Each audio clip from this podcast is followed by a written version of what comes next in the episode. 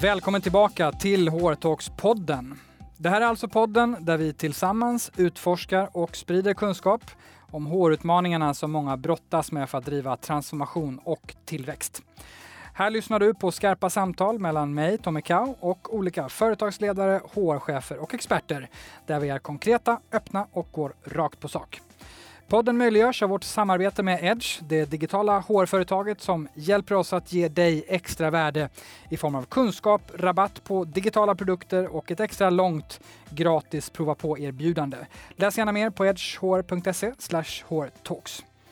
Ja, I dagens avsnitt pratar vi om senaste årens transformation och förändringsarbete på Svenska Spel, från HR-chefsstolen. Vi pratar om resan, om utmaningarna och om tillvägagångssättet för att omvandla det tidigare spelmonopolet till en marknad med full konkurrens, mer techfokus och nya krav. Vi kommer att djupdyka i kultur, struktur och varför denna förflyttning inte liknat någon av de förändringsresor vår gäst tidigare genomfört.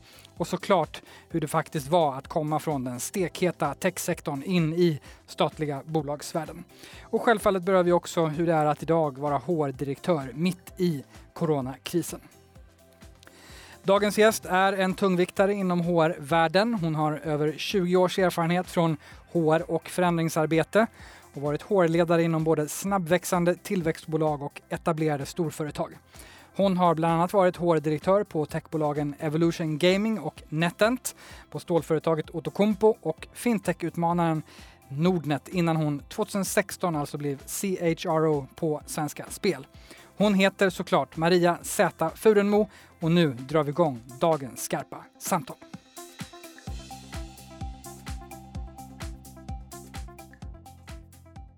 Hjärtligt välkommen till HR-talks-podden, Maria mm. Furenmo. Tack.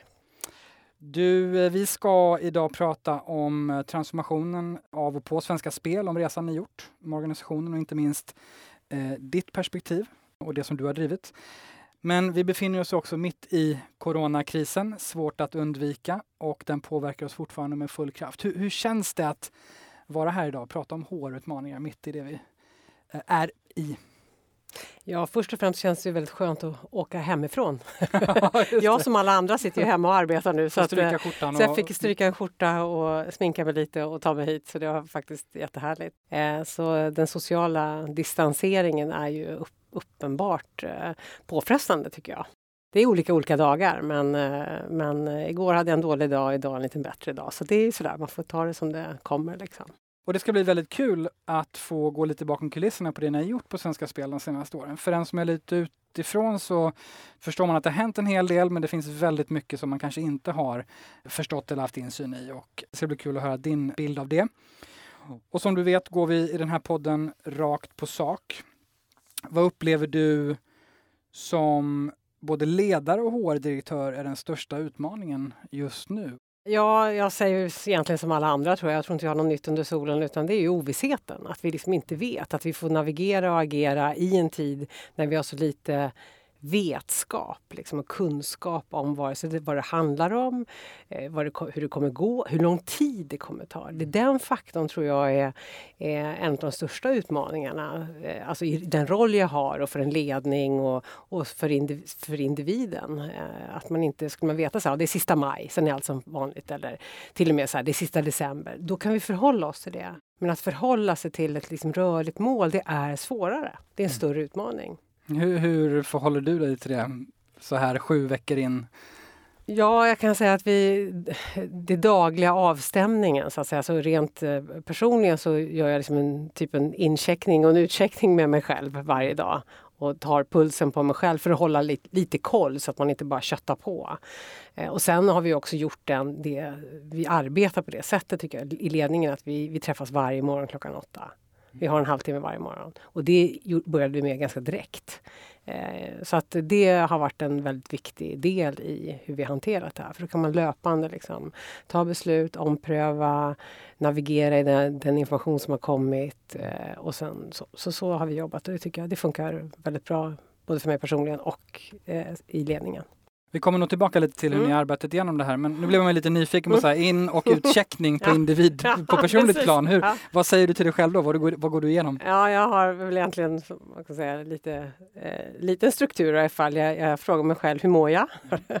och sen eh, frågar jag hur, hur, hur bra tycker jag att jag presterar? Ja. Hur går det? Liksom? Ja. Vad gör jag på dagarna? Levererar jag något? Liksom? Och sen också, hur kul har jag? Viktig sista fråga. Och sen ja, så funderar jag på det på, på morgonen och tänker också då lite grann, vad behöver jag göra idag? Vad behöver jag fokusera på? Och sen när jag stänger liksom för, för kvällen eller för dagen så också gör en liten ut, utcheckning då på ungefär samma tema. Hur blev det då? Som jag Mm, trodde just idag. Har jag gjort det jag skulle? Hade jag kul? ja, hade Ja. jag kul? Ja, precis. Ja men vad bra, det, det är ju en första grej man kan Mm. verkligen ta med sig som lyssnare tror jag. För alla sitter ju och sliter med samma, just det här att få ihop strukturen. Om man ändå ska um, zooma in lite på hur påverkas Svenska Spel av, av coronakrisen? Ja, rent affärsmässigt så är det ju så att på, eh, vi, eh, när den första eh, vad ska man säga, begränsningen kom där med 500 personer som vi har våra fysiska kasinon, våra fyra, så var det ju framförallt kasinot i Göteborg och Stockholm som var påverkat utav 500 personsgränsen så att säga. Så då fick ju vi anpassa oss efter det. Och sen kom ju 50, då fick vi anpassa oss efter det. Och då blev det ju i princip omöjligt. Så vi har ju stängt våra kasinon nu eh, sedan ett par veckor tillbaka. Eh, Men vi hade öppet relativt, relativt länge. Men, så det är ju en stor eh, skillnad. Och sen så slutade ju, det fanns ju ingen sport att betta på. Så du vet, Stryktipset eh, för första gången på 70 år fick liksom ställas in en lördag och nu är det ju, det finns det ingenting att spela på. Så det, det är klart att det är en, en historisk händelse. Det var lite kul att du tog upp det här med att man får jobba liksom dag för dag nästan och ovissheten är, är en utmaning. Vi kommer ju tillbaka, Mm. kommer prata om er resa, för det har ni övat er en del på får man ju ändå Mm. säga. Hur har ni hanterat krisen hittills? Det första vi gjorde var ju att eh, Alltså man kan säga så här, vi har inte aktiverat vår krisorganisation centralt. Okej. Utan Mm. det var inte det första vi gjorde. För vi, det var svårt i början att bedöma vad det var. Efter vet, sportlovet där och det. Var det en fullskalig kris? Ja, eller vad? det hä- det händer något i Italien. Eh, Har vi, har vi personal där? Vi, alltså vi, man vet ju inte vad folk gör på sina privata resor. Det är ingenting Nej. som vi har koll på som arbetsgivare. Så vi började... Men, men sen ganska snabbt därefter, då, då tog vi också beslutet med karantän, 14 dagar, var hemma om man kom, nu kom hem från sportlovet. Och den informationen gick vi ut med på helgen där när sportlovet var slut och så. Men sen så, eh, ja, jag tror att det har varit en väldigt bra nyckel det här att vi, vi har träffats klockan 8 till 8.30 varje morgon. Hela koncernledningen och med eh, en en internkommunikatör och med vår liksom, säkerhetsavdelning då som, har, som är också de som har samlat in mycket information och väglett. Eh, faciliterat liksom, diskussionerna då utifrån säkerhetsperspektiv. Vi kommer säkert komma tillbaka till, Mm. till krisen i vårt samtal, men vi ska huvudsakligen fokusera på er resa på Svenska Spel. Vi eh, ska ju prata om transformation, förändringsarbete, på olika sätt bygga bolag eller bygga verksamheter, något du har mycket erfarenhet av. Om vi zoomar in på det då, vad är Mm. enligt eh, Maria Furmo största utmaningen att leda och driva transformation? Håll i, håll ut. Tålamod. jag säga. Ja, och jag är inte känd för att ha jättebra tålamod så att jag, jag vet inte varför jag har hamnat och jobbat med det här. Men, men, eh, nej, men jag, jag, jag tror att att driva förändring och transformation då måste man eh, ja, man måste hålla i, hålla ut helt enkelt. Man behöver vara, ha en övertygelse och vara genuin i det man vill genomföra. Och, och, och känna för det. Eh, Ha en både som det. inte bara som HR, eh, HR-ansvarig utan som ledning och som bolag. Att det är det här vi behöver för vår affär. Att göra den här förändringen. För annars så går det inte hem. Det, det funkar inte. Det måste vara ja, genuint, är något ord jag skulle använda. Mm. Och du har varit HR-direktör på Svenska Spel nu i fyra år snart. Snart, ja. Ja. Det ni har gjort hittills, har det tagit ungefär så lång tid som du trodde det skulle göra? Nej, eh, det, det, det, det tar längre tid. Just det, det, Eh, det är pågående. Det är pågående ja, och vi är mitt inne i en stor förändring. Sen har vi ju haft, eh, vad ska man säga, det har ju hänt så mycket i omvärlden hela tiden. Som, som vi, och det, har faktiskt, det är ganska intressant att vara med i en förändring där det inte bara att man har den här bestämda agendan som man kör. På, som när jag har jobbat med det här i andra organisationer, man ska göra en kulturförändring eller en ledarskapsresa eller en omställning på något sätt. Att man, då har, sätter man en plan och en agenda och så här, här har det inte riktigt varit så. Det har fungerat på ett annat sätt vilket har varit otroligt spännande. Och det tar också längre tid än vad jag kanske gick in med att jag trodde att det skulle ta.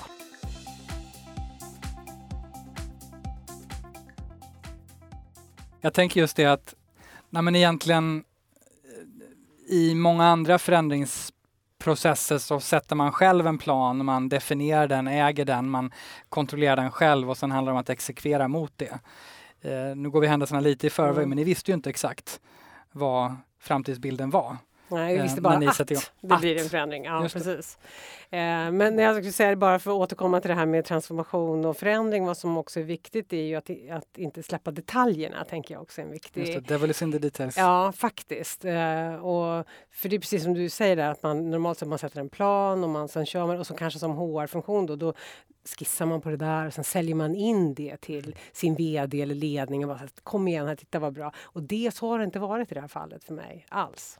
Man kan säga att jag blev anställd mm. eh, för, och då i vår, våren 2016 för att spelmarknaden stod inför en ny lagstiftning helt enkelt och en marknadsförändring. Och man förstod att eh, Svenska Spel skulle förändras.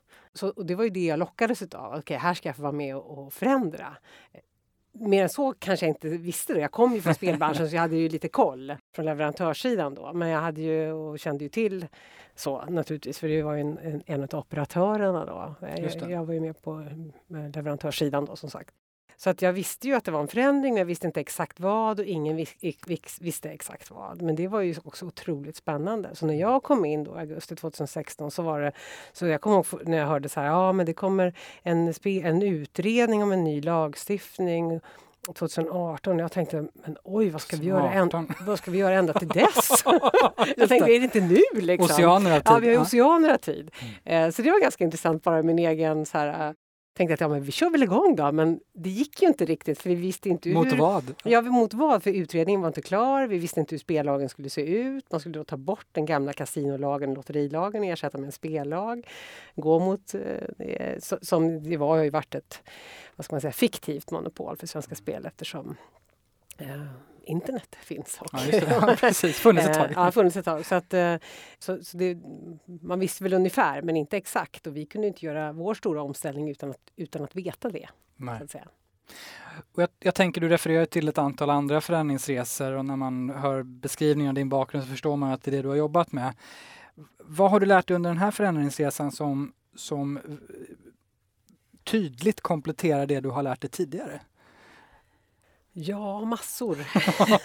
Förutom mer tålamod kanske? Ja, ja, precis. Eh, tålamod är en bra vän, har jag lärt mig. Och eh, man kan lära sig det även fast man har jobbat i snart inne. 20 år, ja, som du sa med HR-frågor, eller drygt 20 år. Nej, men att vissa saker sitter kanske djupare och är svårare att förändra än vad man kan tro. Och det som man tänker att det här är lätt, det blir svårare. Och det som tänker det här blir jättekomplicerat, det blir inte, blir inte så svårt. Eh, det är också lite fascinerande, så man måste vara väldigt ödmjuk tycker jag när man går in i... Så det tycker jag har lärt mig att eh, jag ska inte jag kan inte veta innan om det här kommer Nej. bli svårt eller lätt. Liksom. Jag, jag, kan bara ha liksom en, en eh, tanke om det och det är inte alls säkert att det blir så. man, man blir men aldrig fullärd någonstans? Nej, jag, man blir man, inte det. Nej. Och sen så tror jag också att eh, det jag har lärt mig också det är att hitta någon slags balans. Att eh, vad är jag, jag, jag, vet ungefär vad jag tycker är viktigt när man ska driva en sån här förändring.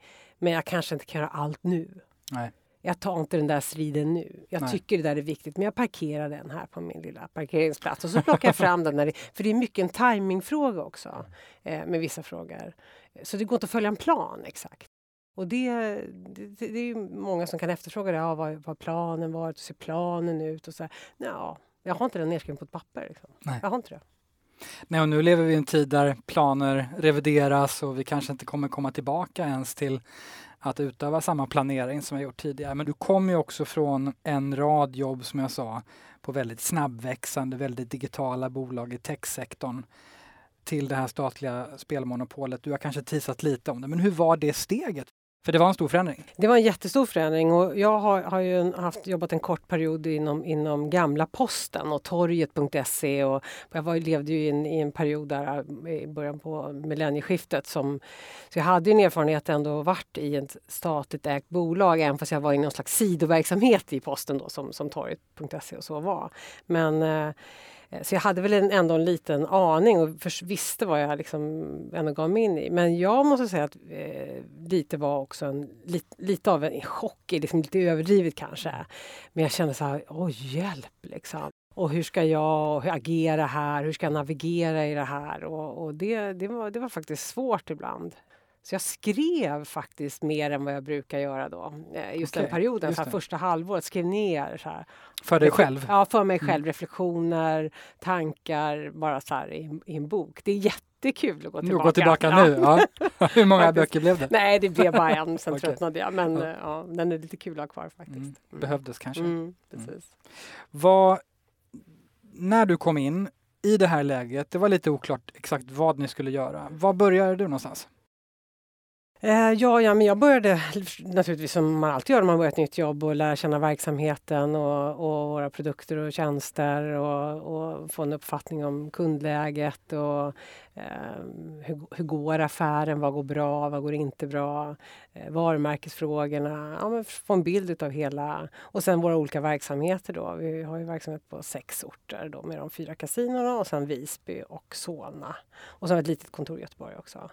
Eh, men, ehm, så det var ju en, en, viktig del att åka runt och lära känna verksamheten. Sen så kände jag mig ganska, jag har ju bytt ofta bransch i min karriär.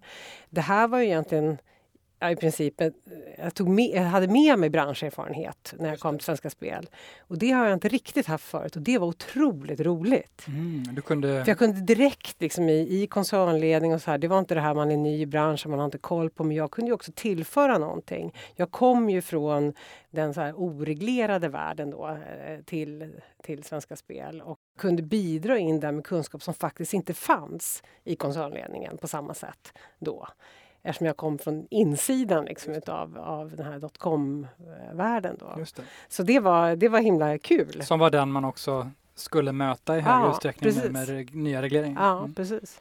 Lite sådär när du var lite in i nya jobbet, vad såg du bara, det här är de riktigt stora utmaningarna organisatoriskt, ledarskapsmässigt, kulturmässigt eller liksom ja, HR? Ja precis, det var lite olika delar där. Och för det första möttes av, jag tror aldrig känt en sån här Alltså det är, det är ett sånt skönt företag med så mycket stolthet, kunskap, eh, omtänksamhet eller vänlighet. Där. Det, jag har kanske mer jobbat på bolag där det är mer så här vassa armbågar. Mm. Eh, det är mycket tävlingsfolk på Svenska Spel, det ska jag verkligen säga. Det är eh, det, extremt. Det ska vi ge dem. Ja. Det ska vi, ja. det, så är det. Men, men tuffare klimat? Men det, jag är van vid, jag kom från ett mycket tuffare klimat. Mm. Så, så, och jag tyckte att det var himla härligt att komma till en miljö där det var så mer vänligt. Men baksidan det var ju också att kanske att det kändes som lite ängsligt sådär. Mm. Pratar man klarspråk med varann eller blir det så lite politik? Så det började jag nosa på. Det Långsamt? Ja, och man mer ägnar sig åt planerna och så blåser utanför då. Och det, det är inte så konstigt om man har haft ett monopol och levt i ett monopol. Då behöver man faktiskt inte fundera så mycket på om det blåser där ute, ja, utan det rullar ju på. Och eh, det är klart att den kulturen fanns, fanns ju lite kvar fast det, var, det var, konkurrens eh, ändå. Det, det, det mm. var det ju. Och om inte annat så är det inte om konkurrens om spel utan konkurrens om människors tid.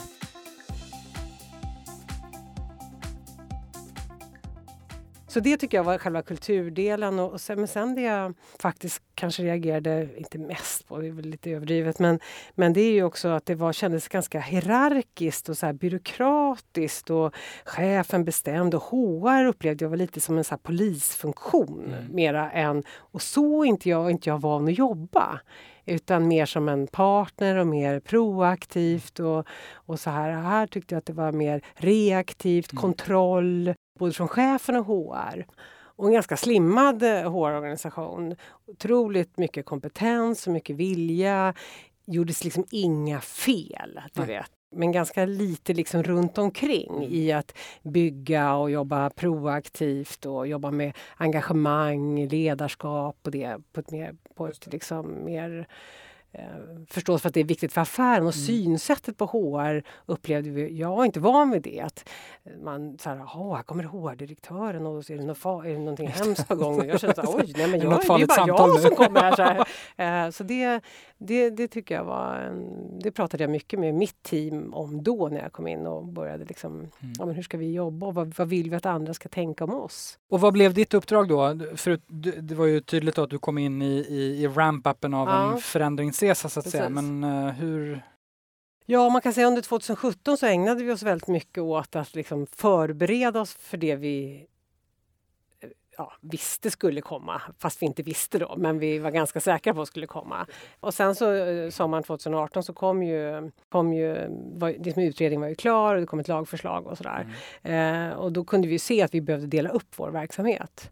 Eh, eftersom vi hade haft ett, en viss legal struktur och sen fick vi plötsligt ett, en del som skulle fortsätta vara monopol och en del som skulle vara liksom licens. Man söker en licens hos Spelinspektionen.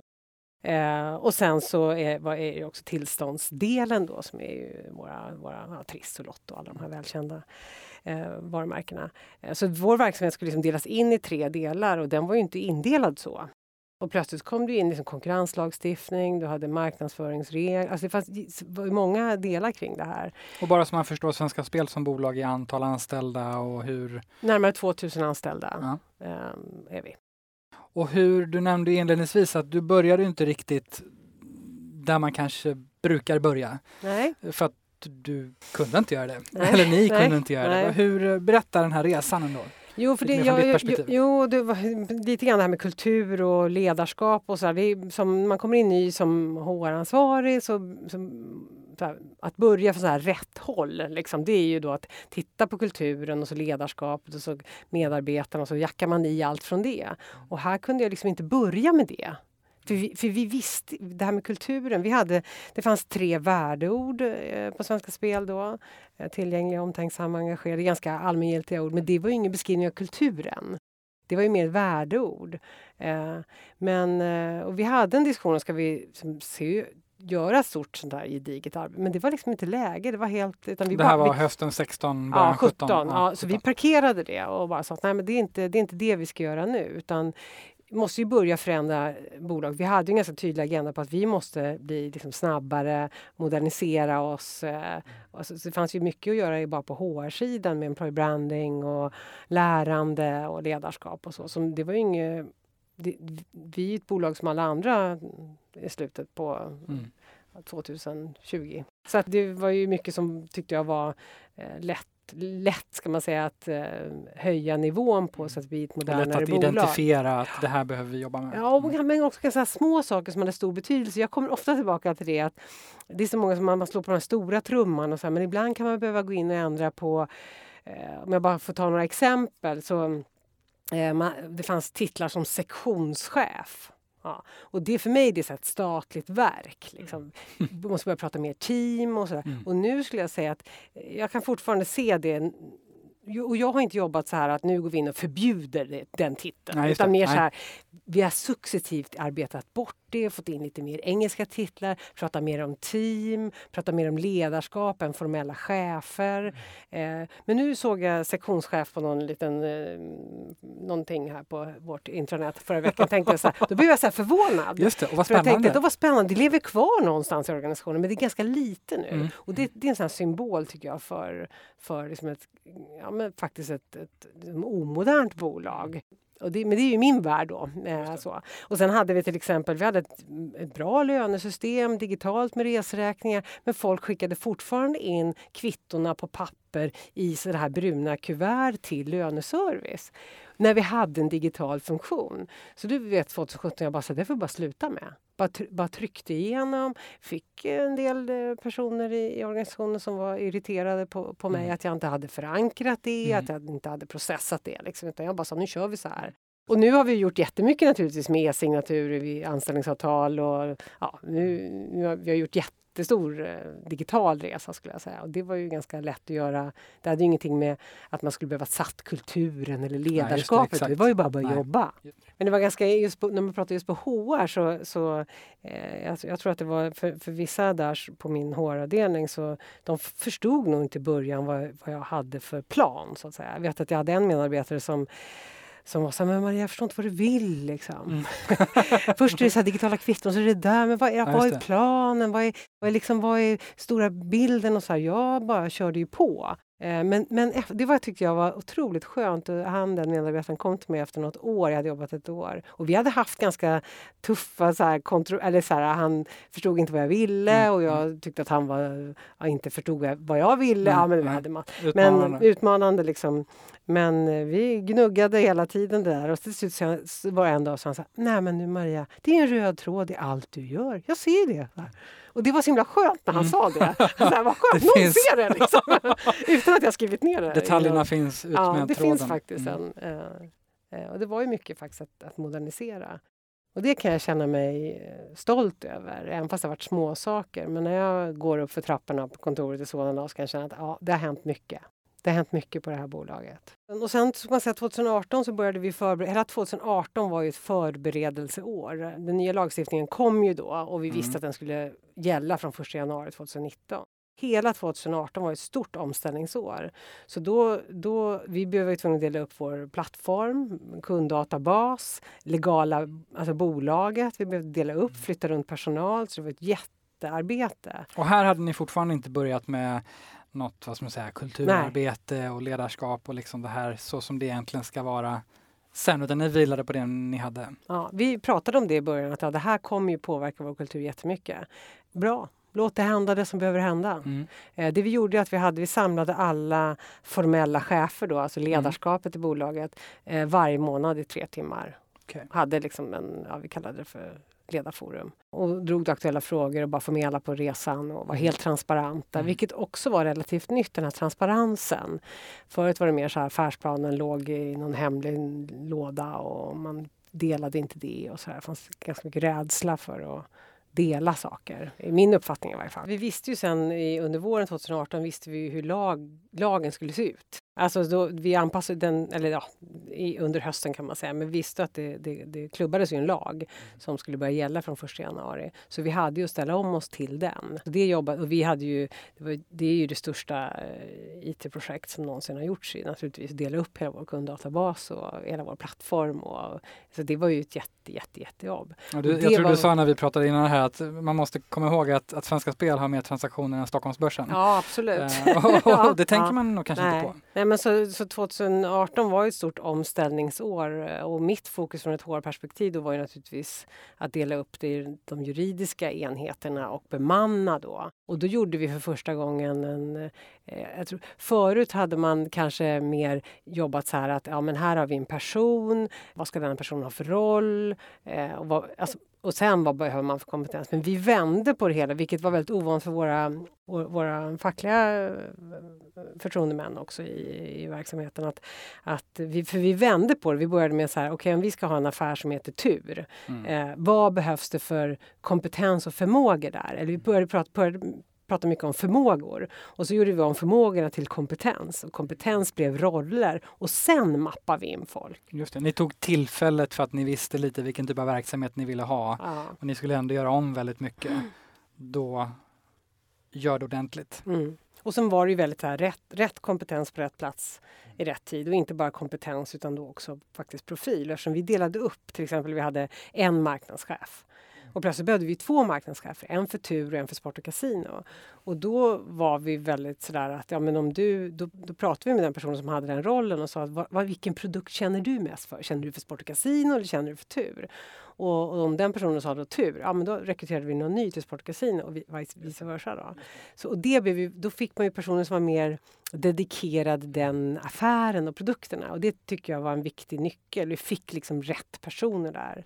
Och också med tanke på att den nya affären, den skulle liksom ut på en fullt ut konkurrensutsatt marknad där det var ganska tufft läge. Då behöver man ju kanske verkligen mm. ännu mer. Nej, men då kan man inte bara omplacera folk. Nej, liksom, man måste ju så här, vad vill du? Vad mm. brinner du för? Mm. För det är, den, det är den, det engagemanget och glöden vi, vi behöver för att ja, För att driva affären. Ja, för att driva mm. affären. Mm. Och det visste vi att för att lyckas behöver vi göra på det här sättet. Och det gick jättebra. Vi hade ett jättebra samarbete i, i all, med, med olika delar av organisationen och, och ja, men det var jättespännande och, och även naturligtvis med facket då, som var en viktig nyckel i det här. Så det gick jättebra. Sen var det en del roller som försvann eh, som vi identifierade som att vi inte behöver längre. Så det var en stor, stor, stor omställning.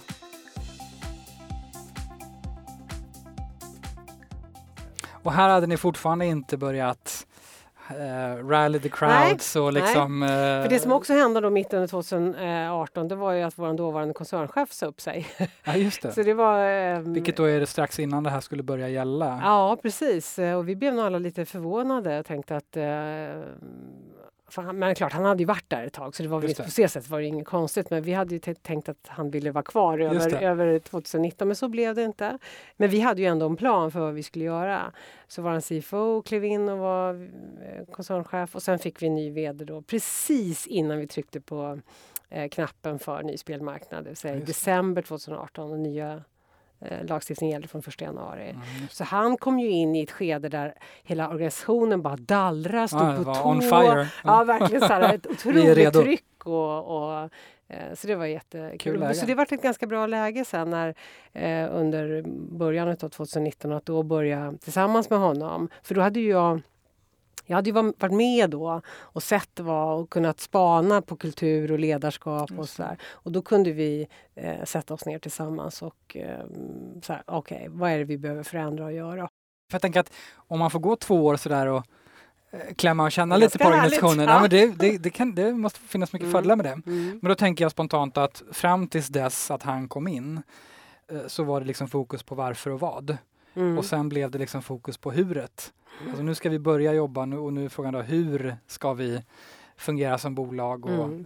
Man kan säga i början av 2018 när vi drog igång hela det här förändringsarbetet som var i, i programform kan man säga med massa olika projekt. Då. Då, då pratade vi om ledarskapet hur stor och då, då var det en diskussion, kommer jag ihåg, som var sådär, som tror var lite avgörande. var så här, Åh, vi måste anställa eller ta in massa förändringsledare. Och då var jag så här, nej, det gör vi inte. Nej, liksom. okay. Varför inte det? Nej, för att det är faktiskt ledarnas roll. Mm. Det är, är du chef, då är du förändringsledare. Det är synonymt. Vi ska inte ta in externa förändringsledare.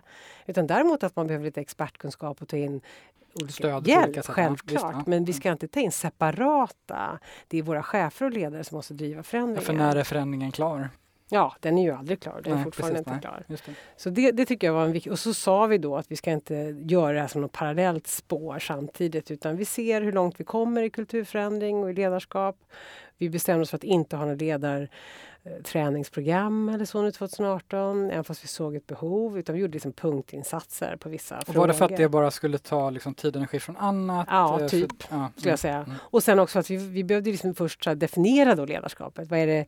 Så vi behövde först liksom ta oss igenom 2018 för att se vad Uh, och sen är det också vissa chefer som steppade upp och, mm. och vissa som bara sa nej jag vill inte vara med här nej, längre. Nej. För nu blir det här är här, inte min resa. Nej det är inte min resa. Och det, vi hade många bra sådana diskussioner.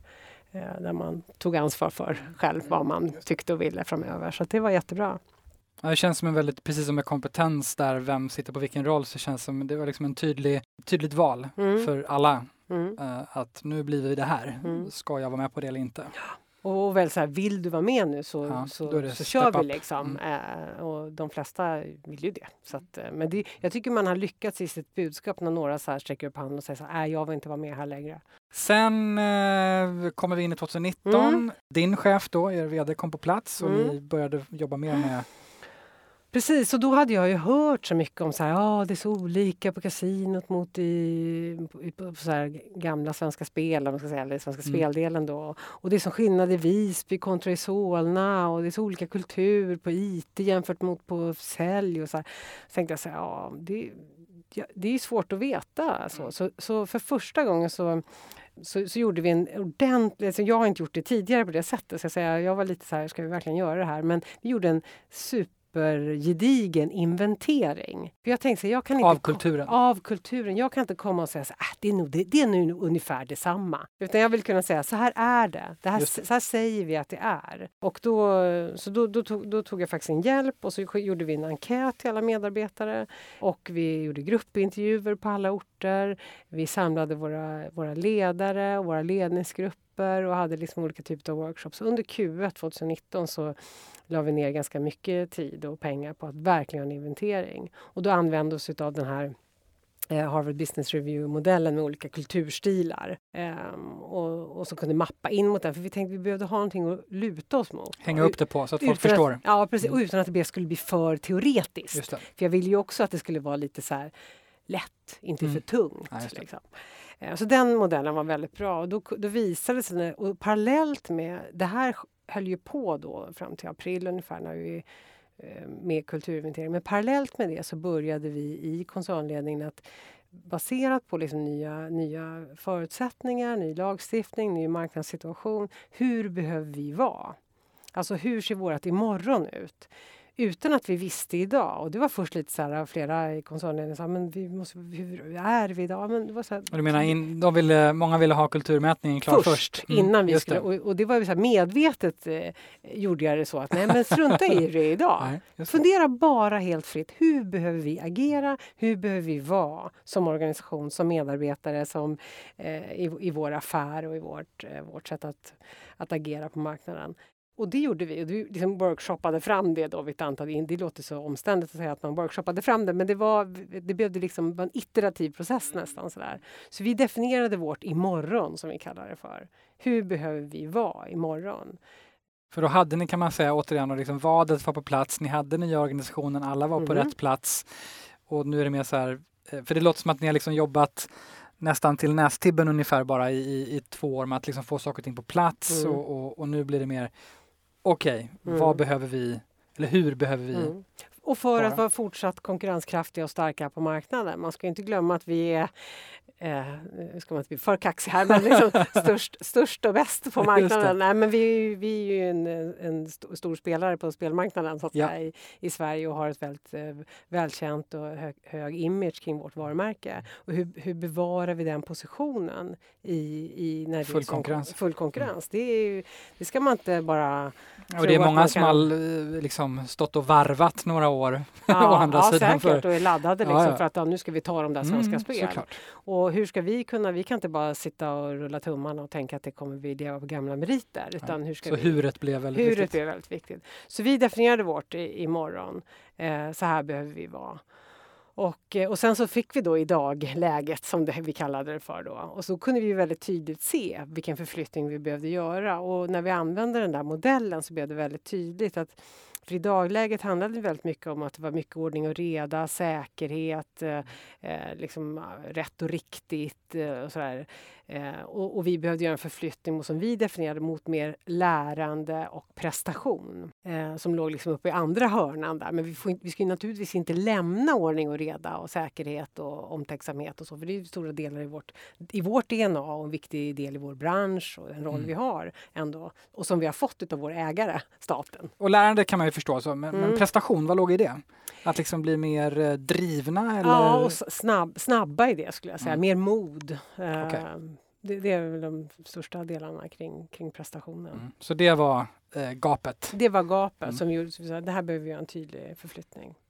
Så det blev väl klart och kan man säga väldigt tydligt så här, eh, mm. i eh, ja, förra sommaren. Och sen eh, har vi, och då har vi jobbat, vi hade det här i morgonläget och hur vi skulle definiera oss. Så hade vi vi involverade ju också våra medarbetare i liksom själva formuleringarna av det, eh, vilket var väldigt kul. Vi hade såna här typ vernissager i våra matsalar så fick mm. man komma med input och hur uppfattar man det där ordet och, och, och så ändrade vi och sådär. Så många var väl delaktiga i de, de formuleringar och det vi landade i sen så då, då blir det inte så stor det var inte så, så, svårt då sen. Det var inte så här, nu ska vi ha en stor unreveal liksom och så är det några nya sköna ord utan det, det hoppade vi över. Och sen har vi inte valt heller ord utan vi har valt små meningar. Det var en viktig del att vi inte skulle ha de här enkla orden utan att vi har liksom vi beskriver i, i mindre meningar och då har vi bland mm. annat, om jag ska ta ett exempel, så här, enkelhet i allt vi gör. Och vi har definierat det som fyra liksom, fundament eller delar i vår kultur där varav en del är enkelhet i allt vi gör. Och där pratar vi mycket om så här klarspråk och det handlar ju om tempo, att få upp Ah, ja, tempot. det. Liksom. Och vi ska inte krångla till grejer. Och, jag menar, vi har ju förenklat jättemycket med hur vi skriver saker, och hur vi rapporterar saker och hur vi skriver saker. Och, mot att det har gått i olika både projektmodeller och sådär. Så att, eh, så att det ligger i linje med det. Då. Jag vill tacka vår samarbetspartner, digitala hårföretaget Edge. För med deras digitala produkter kan du som hårledare eller chef få tillgång till användbara mallar, dokument, checklister och kalkyler och få snabba och trygga svar på alla möjliga frågor inom HR. Allt i syfte att förenkla och effektivisera ditt hårarbete så att du kan frigöra viktig tid. När jag själv tidigare var chef var exempelvis en av utmaningarna att göra korrekta kostnadsanalyser eller business cases för olika förändringar eller satsningar i personalen. Det kunde vara allt från investeringar i hälsa och kultur till beräkningar för både nyanställningar och omorganisationer. I Edge produkter finns det flera riktigt bra beräkningsmodeller som jag skulle haft stor nytta av då. Så missa inte att gå in och kika på Edge produkter som nu via HRtox-podden kan fås med 15% rabatt eller testas i två veckor helt kostnadsfritt. Så kika direkt på edgehr.se hårtalks. Så det här blev, och det här blev inte en big bang, men då tänker man ändå att efter en sån här arbete så kommer liksom en rad olika saker som man gärna Mm. sätter igång och gör. Man drar gärna ut en kampanj internt, man eh, förpackar det här på olika sätt, man Mm. eh, sätter igång eh, ledarskapsprogram, man liksom ändrar eh, Mm. och så vidare och så vidare. Och så vidare. Vad, vad hände? Det vi gjorde var att vi i september, först i september så samlade vi alla eh, ledare, alla formella chefer i eh, en, en, en hel dag där vi gick igenom då de här olika delarna och, eh, i, i kulturen i relation till ledarskapet. Och eh, satte samtidigt en ledarprofil som är så lika enkel. Inte, det är inget så här fyrsidigt dokument. Liksom. Och, så det gjorde vi först var i september och sen i, i månadsskiftet september-oktober då samlade vi alla 1800 personer ute på Arlanda i tre dagar och jobbade igenom eh, den här olika kulturen. Hade goda exempel på scen, vi hade grupparbeten. Så vi jobbade med he, eh, det temat. Ägnade det hela, hela, den här, hela den här konferensen. Så det var ju väldigt, väldigt lyckat och väldigt bra. Och då var det liksom ute hos alla kan man Där, säga. det var utrullningen? Det kan man säga var en viktig del Ja, av utrullningen. Eh, sen efter det, så det som hände rent praktiskt var att varje, varje ledare fick ett material där man kunde ett format för att ha en genomgång och typ som en ja, diskuterare i sitt team. Eh, hur ser vi på det här? Hur tänker vi? Hur relaterar vi? Vad behöver vi ändra på för att vara mer så här? Och, för det var ju naturligtvis lite olika olika team då. Att ja, men här kanske vi behöver jobba mer med modet och där med enkelheten och här med...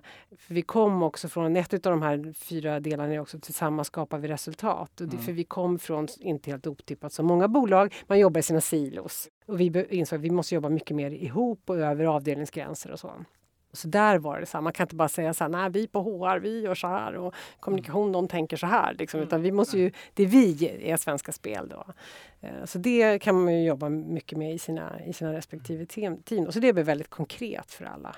Och sen har vi ju jackat i dem med ett ledarprogram som drog igång i eh, januari som nu är då lite på hold.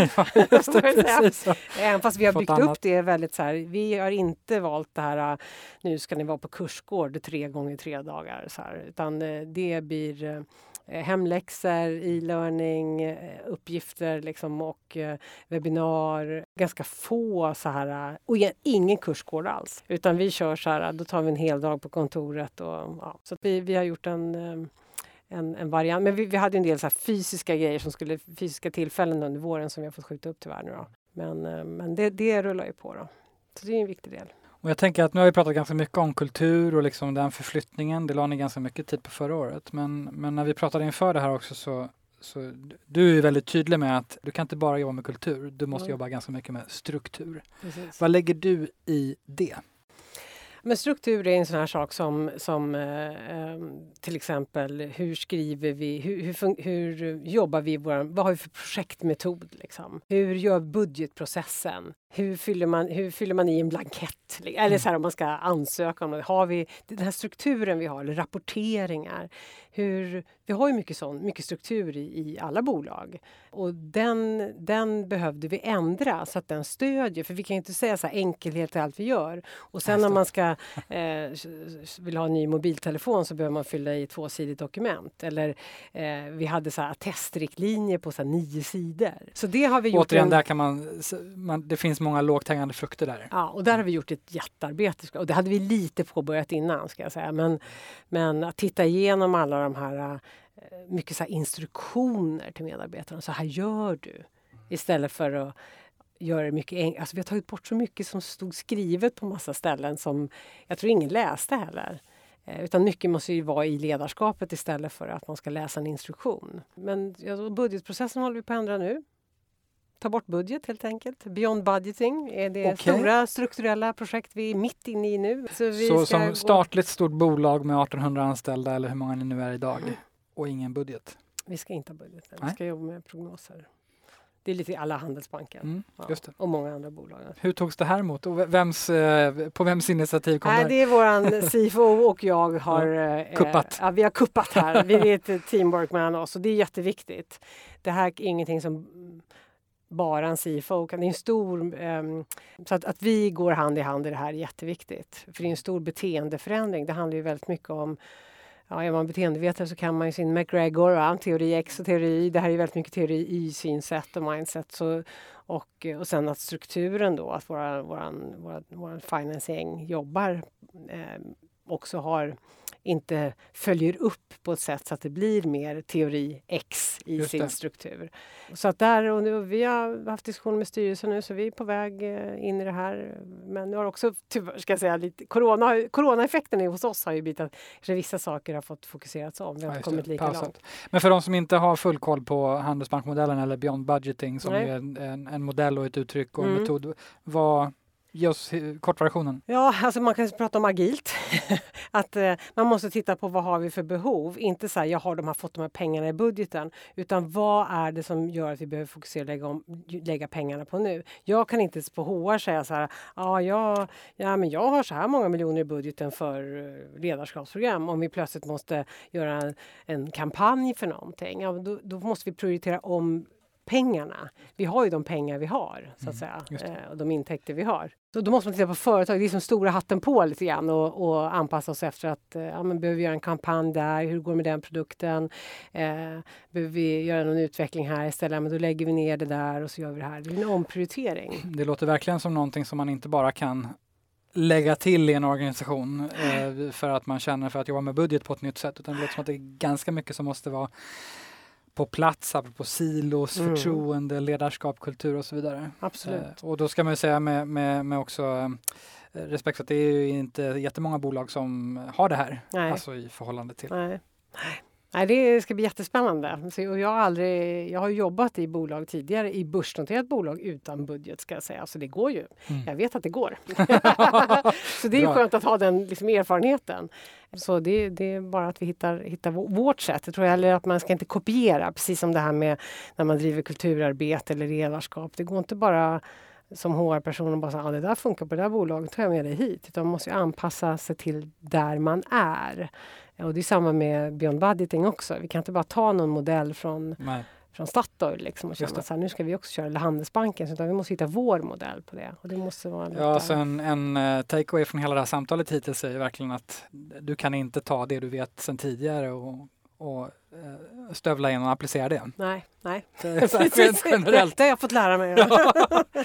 ja. om vi ändå pratar om, om din HR-organisation också mm. då, man är kanske lite nyfiken om man lyssnar. Hur, Eh, hur den har sett ut under den här resan och kanske vilka förändringar, du var inne lite på det eh, tidigt i samtalet hur det kanske var förut men om man blickar in där nu mm. och vilka förändringar som ni har drivit? Ja, det, det jag har gjort är, är vad ska jag säga, två stora saker skulle jag säga. Och det ena är att vi har startat en intern academy, vilket ju inte fanns tidigare utan det fanns ett um, eh, egen ihopsatt LMS. Typ. Men vi har ju ganska många utbildningar som de flesta företag idag som man måste ha obligatoriska utbildningar, som, eller certifierande som vi kallar det för, för sina licenser eller vad det kan vara. Men där har vi gjort ett jättestort arbete och sen digitaliserat eh, många utbildningar och sen har vi också gjort på tal om lärande, det var en del vi behövde gå mot, inte bara att vi behöver bli mer lärande organisation. Så vi jobbar ju, Academy står också för att implementera lite det här 70-20-10-tänket som många tycker är gammalt, men jag, jag, eh, kan man ju tycka. Men jag tycker att kommer man från en värld där man, enda sättet man... Jag skulle säga att vi var i en situation där man det enda man, man pratar om utveckling, eller, då skulle man gå på en utbildning. En alltså kurs. en extern en kurs. Liksom. Och det har vi tvättat bort. Mm. Så därför var 70-20-10-modellen är en väldigt bra modell för att få in det tänket. För vi har så otroligt mycket lärande internt och så otroligt mycket kunskap. Mm. Så vi gör någonting nu som heter trestegsraketer där vi har mm. föreläsning för personalen, eh, samlar sen cheferna på samma tema och sen ett material till cheferna som man kan jobba med i sitt team.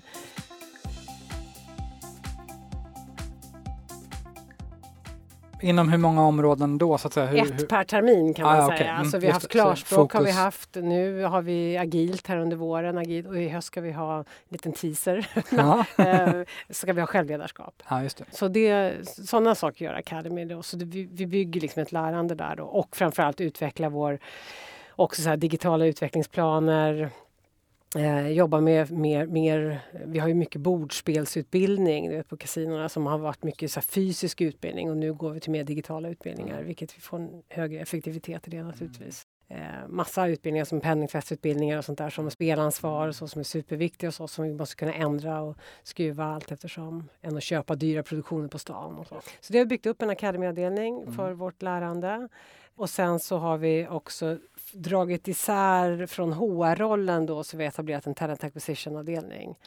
För HR-partner jobbar också med rekrytering. Och det, blir, det är lite slitsamt mm. eh, faktiskt att både ha den här vara on top of liksom på en rekrytering och nu som vi vet som arbetsmarknaden ser ut så måste man ju man måste ta, man, speciellt om man ska rekrytera inom, inom techbranschen, då mm. måste man vara snabb på det. Man kan inte sitta och, Nej, man kan inte sitta och vänta på att eh, ja, någon ska ha tid att läsa ett CV. Liksom. Utan, nej, nej. Ehm, ja. Så då, och sen kan och man samtidigt, samtidigt stödja businessen ja, med precis. vad, mm. Så det har vi separerat nu. Så HR-partnerna de jobbar, de är HR-partner och jobbar mycket med chefsstödet som är ju omorganisationer, höja effektivitet eh, och jobba med engagemangsfrågor och också coacha ledarskapet och ledarna in i också den nya, nya kulturen. Så de kan liksom fokusera på det. Medan Talent Acquisition-gänget då, de jobbar ju med rekryteringen, employer branding, både internt och externt och sköter alla våra sociala kanaler och sådär. Så de två enheterna är ju liksom helt, helt nya, mm. kan man säga, som inte fanns innan. Spännande. Och mm. vad, vad, är högst på agendan nu? Den stora delen nu är ju vårt ledarprogram. Det skulle jag säga är, är och fortsätta våra strukturella förändringar som stödjer kulturen. Det, det gäller att inte tappa det. Tänka mm. så här, check nu är vi klara.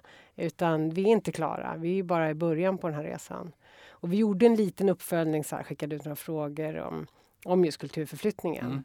Vi pratar om det som att vi är mitt i en kulturförflyttning och, och vi är medvetna om det, vi är inte klara. Och mm. så. Du nämnde ju Beyond Budgeting som en tydlig nästa strukturell åtgärd. Vad, vad, vad händer mer? Vad är, vad är eh, utöver det nästa steg i förflyttningen i den mån den någonsin blir klar? Nej, men jag, jag, vi har börjat testa lite nu som jag tycker är intressant. Det är ju ett, vad ska man säga, i princip ett delat ledarskap. Att det är inom IT, att vi har en, en som är mer fokuserad på eh, alltså releaserna, eh, utvecklingsprojekten, liksom, eh, tek, den tekniska delen i, i, roll, i ledarrollen.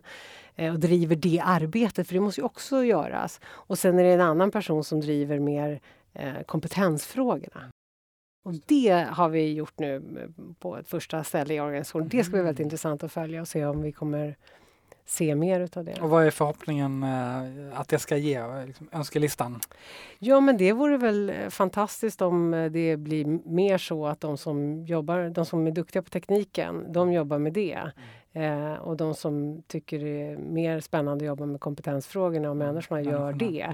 Eh, mm. men, för ofta så, men då måste man ju teama ihop för det går ju inte att separera det. Det måste vara väldigt, måste vara väldigt bra team, teamwork mellan de här mm. två ledarrollerna. Då.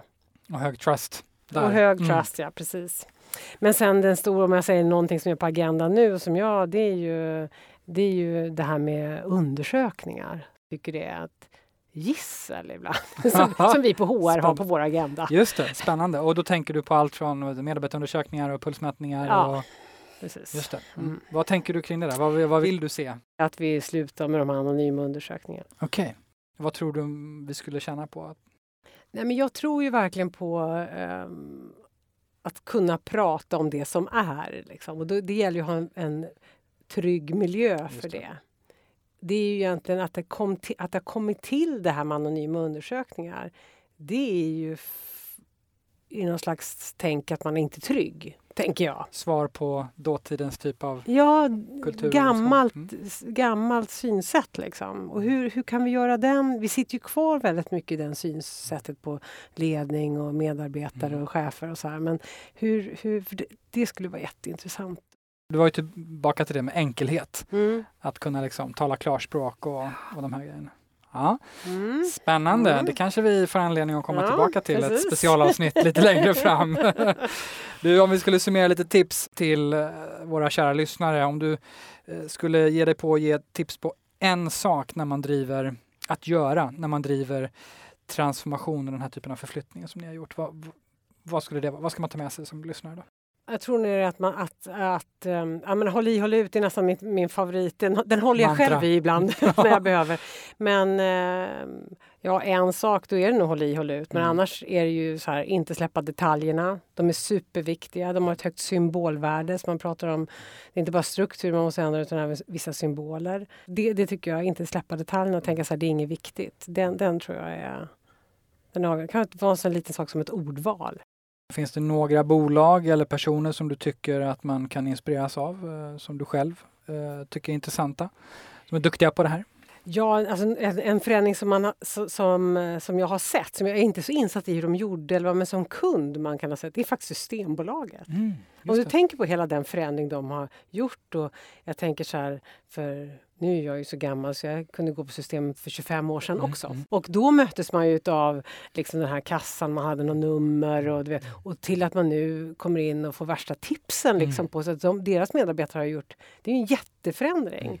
I butikerna och deras medarbetare. Det är superintressant. Just det. Eh, Och de har ju faktiskt också en konkurrens. Eh, Men jag kan verkligen ingenting om Mm. deras resa Nej, men, nej. men jag tycker det är en, eh, intressant hur man ser på medarbetarna, hur de har förändrats. Vi får bjuda in Systembolaget göra de det. berätta Ja, mer. Nej, men det är uppenbart att det Mm. hade hänt väldigt, väldigt mycket. Eh, finns det någon bok du tycker att man ska, eh, om man lyssnar, eh, ska lyssna eller läsa? Ja, det här. Jag har ju en, en favorit som är gammal. Den heter First Break All Rules. Mm, okej. Som är skriven av en någon Buckingham, tror jag. Back, back, vad heter han? Ja, Buckingham. Jag First break all, All rules. rules, Ja, ja. all the rules. Ja, kan man googla Eh, på. Ja, den kan man googla på. Den är skrev, skrevs 91 så den är jättegammal. All Men right. jag tycker, för mig den så här, den är skön liksom, att läsa och den kan man nästan ha som en liten uppslagsbok. Och den handlar om ledarskapet och om att bygga engagemang. Ni har ändå gjort en förändringsresa Mm. eh, och en förflyttning som vi sa inledningsvis heller inte liknar någonting av det du har gjort tidigare, alltså ordningen och hur ni har gjort det. Du har ju sagt håll i, håll ut, men framgångsfaktorn för att kunna göra en sån förändringsresa på det sättet ni har gjort, om man liksom sitter och, och funderar på de här frågorna och själv behöver göra eh, en förändring i sin organisation, även om alla situationer är Mm, unika såklart, mm. men vad kan du se så här i efterhand om du zoomar ut lite i helikoptern? Ja, nej, men jag tror att det är jätteviktigt att eh, man får tänka så här att man behöver vara en kritisk massa som ska driva förändring. Man kan inte göra det själv, hur bra man än är. Liksom. Utan så är man en ledningsgrupp som består av tio personer så måste minst fem vara med på tåget. Så jag tror det här med kritisk massa är superviktigt. Sen om du har en två, tre personer som är så här tveksamma, varför gör, tveksamma, varför gör vi det här? Eller, ah, det, det funkar, de följer liksom med. Men du kan inte vara du och CFO och någonting, utan du, du måste vara och så IT-chef. Men du, så, man är två, tre personer bara av tio, då, då går det inte riktigt. Utan man behöver vara en kritisk mass- massa för att driva förändring. Det, det tror jag är nyckeln. Och har man inte riktigt det, då får man bida sin tid Mm. än att trycka på. Det skulle jag säga en, en Ja, det skulle jag säga Mm. viktigt. Ja, det är bra.